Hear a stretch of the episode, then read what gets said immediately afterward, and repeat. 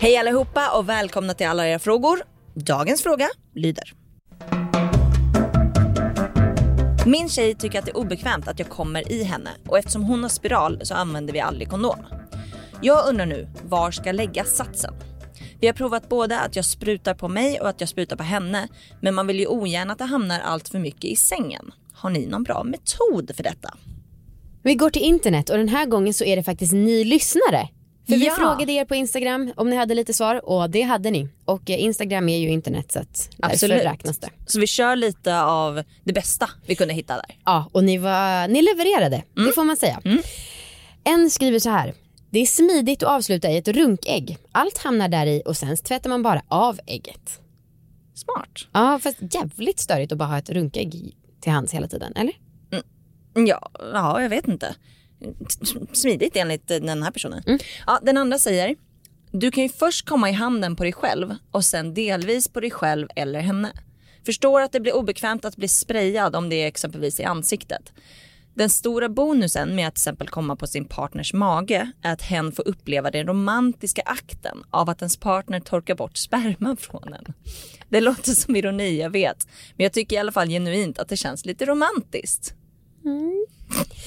Okej. Eh, en annan person skriver så här. Tryck på mellangården innan man kommer så sprutar man inget men man får orgasm. det måste jag testa. Ja jävlar. Och, och den sista från Instagram. Mitt ex gjorde smartaste grejen. Inte så sexigt men så praktiskt. Han hade ganska mycket förhud så när han kom så drog han upp förhuden som en liten ficka och så nöp han om vid toppen så att all sats hamnade inuti. Sen kunde han tömma och tvätta rent. Nu har ju inte alla killar den förutsättningen men värt att prova om man kan. 10 out of 10 would recommend. Slutar den här Vilket frågan. vackert rim med vilket sjukt jävla tips. Ja, herregud. Ja, men alltså jag blev så inspirerad när jag läste eh, några av de som skrev det här tipset om att samla allt i förhuden. Aha, vadå var det flera som skrev det? Ja, det var ganska många. Va? Ja, det är ganska många som gör det här. Oj. Men det måste bli som en, som en ballong. Men det, det är det här tonårsäckeltipset som alla snackar om att man ska samla en sån där liten grej, och, precis som ballong och sen när man har ett vapen så man bara är redo på att skjuta på den som man hatar. Fy fan vad äckligt. Äckligt as fuck. Ja, men jag, när jag skulle, jag kommer fråga Marcus om vi kan testa det här på allvar. Men vadå, det är superäckligt. Ska han bara ta ut sin kuk precis innan han kommer och sen så nypa fast och sen så uh, uh. vad gjorde du för min? Ja, äh, orgasminen. Ah, Okej, som Marcus gör. Ja. Mm. Jo, nej men det är sant. Det är ju ganska tråkigt att han då inte får komma i mig. Liksom. Det känns verkligen som så här just in my pants videon och sen tog jag fram min penis och den här just men in my tror pants. att jag, eftersom jag tycker att jag själv har ganska starka fittmuskler, Mm. tror att jag skulle kunna ta Marcus förut när han är i mig och dra den upp och knyta fast vid toppen? Du har alltså så välutvecklad muskulatur att du kan göra en knut inuti dig själv. Mm. Ja, ja, men då kan Vad tror du? Ja, om det är så ditt tillstånd är, då tror jag det.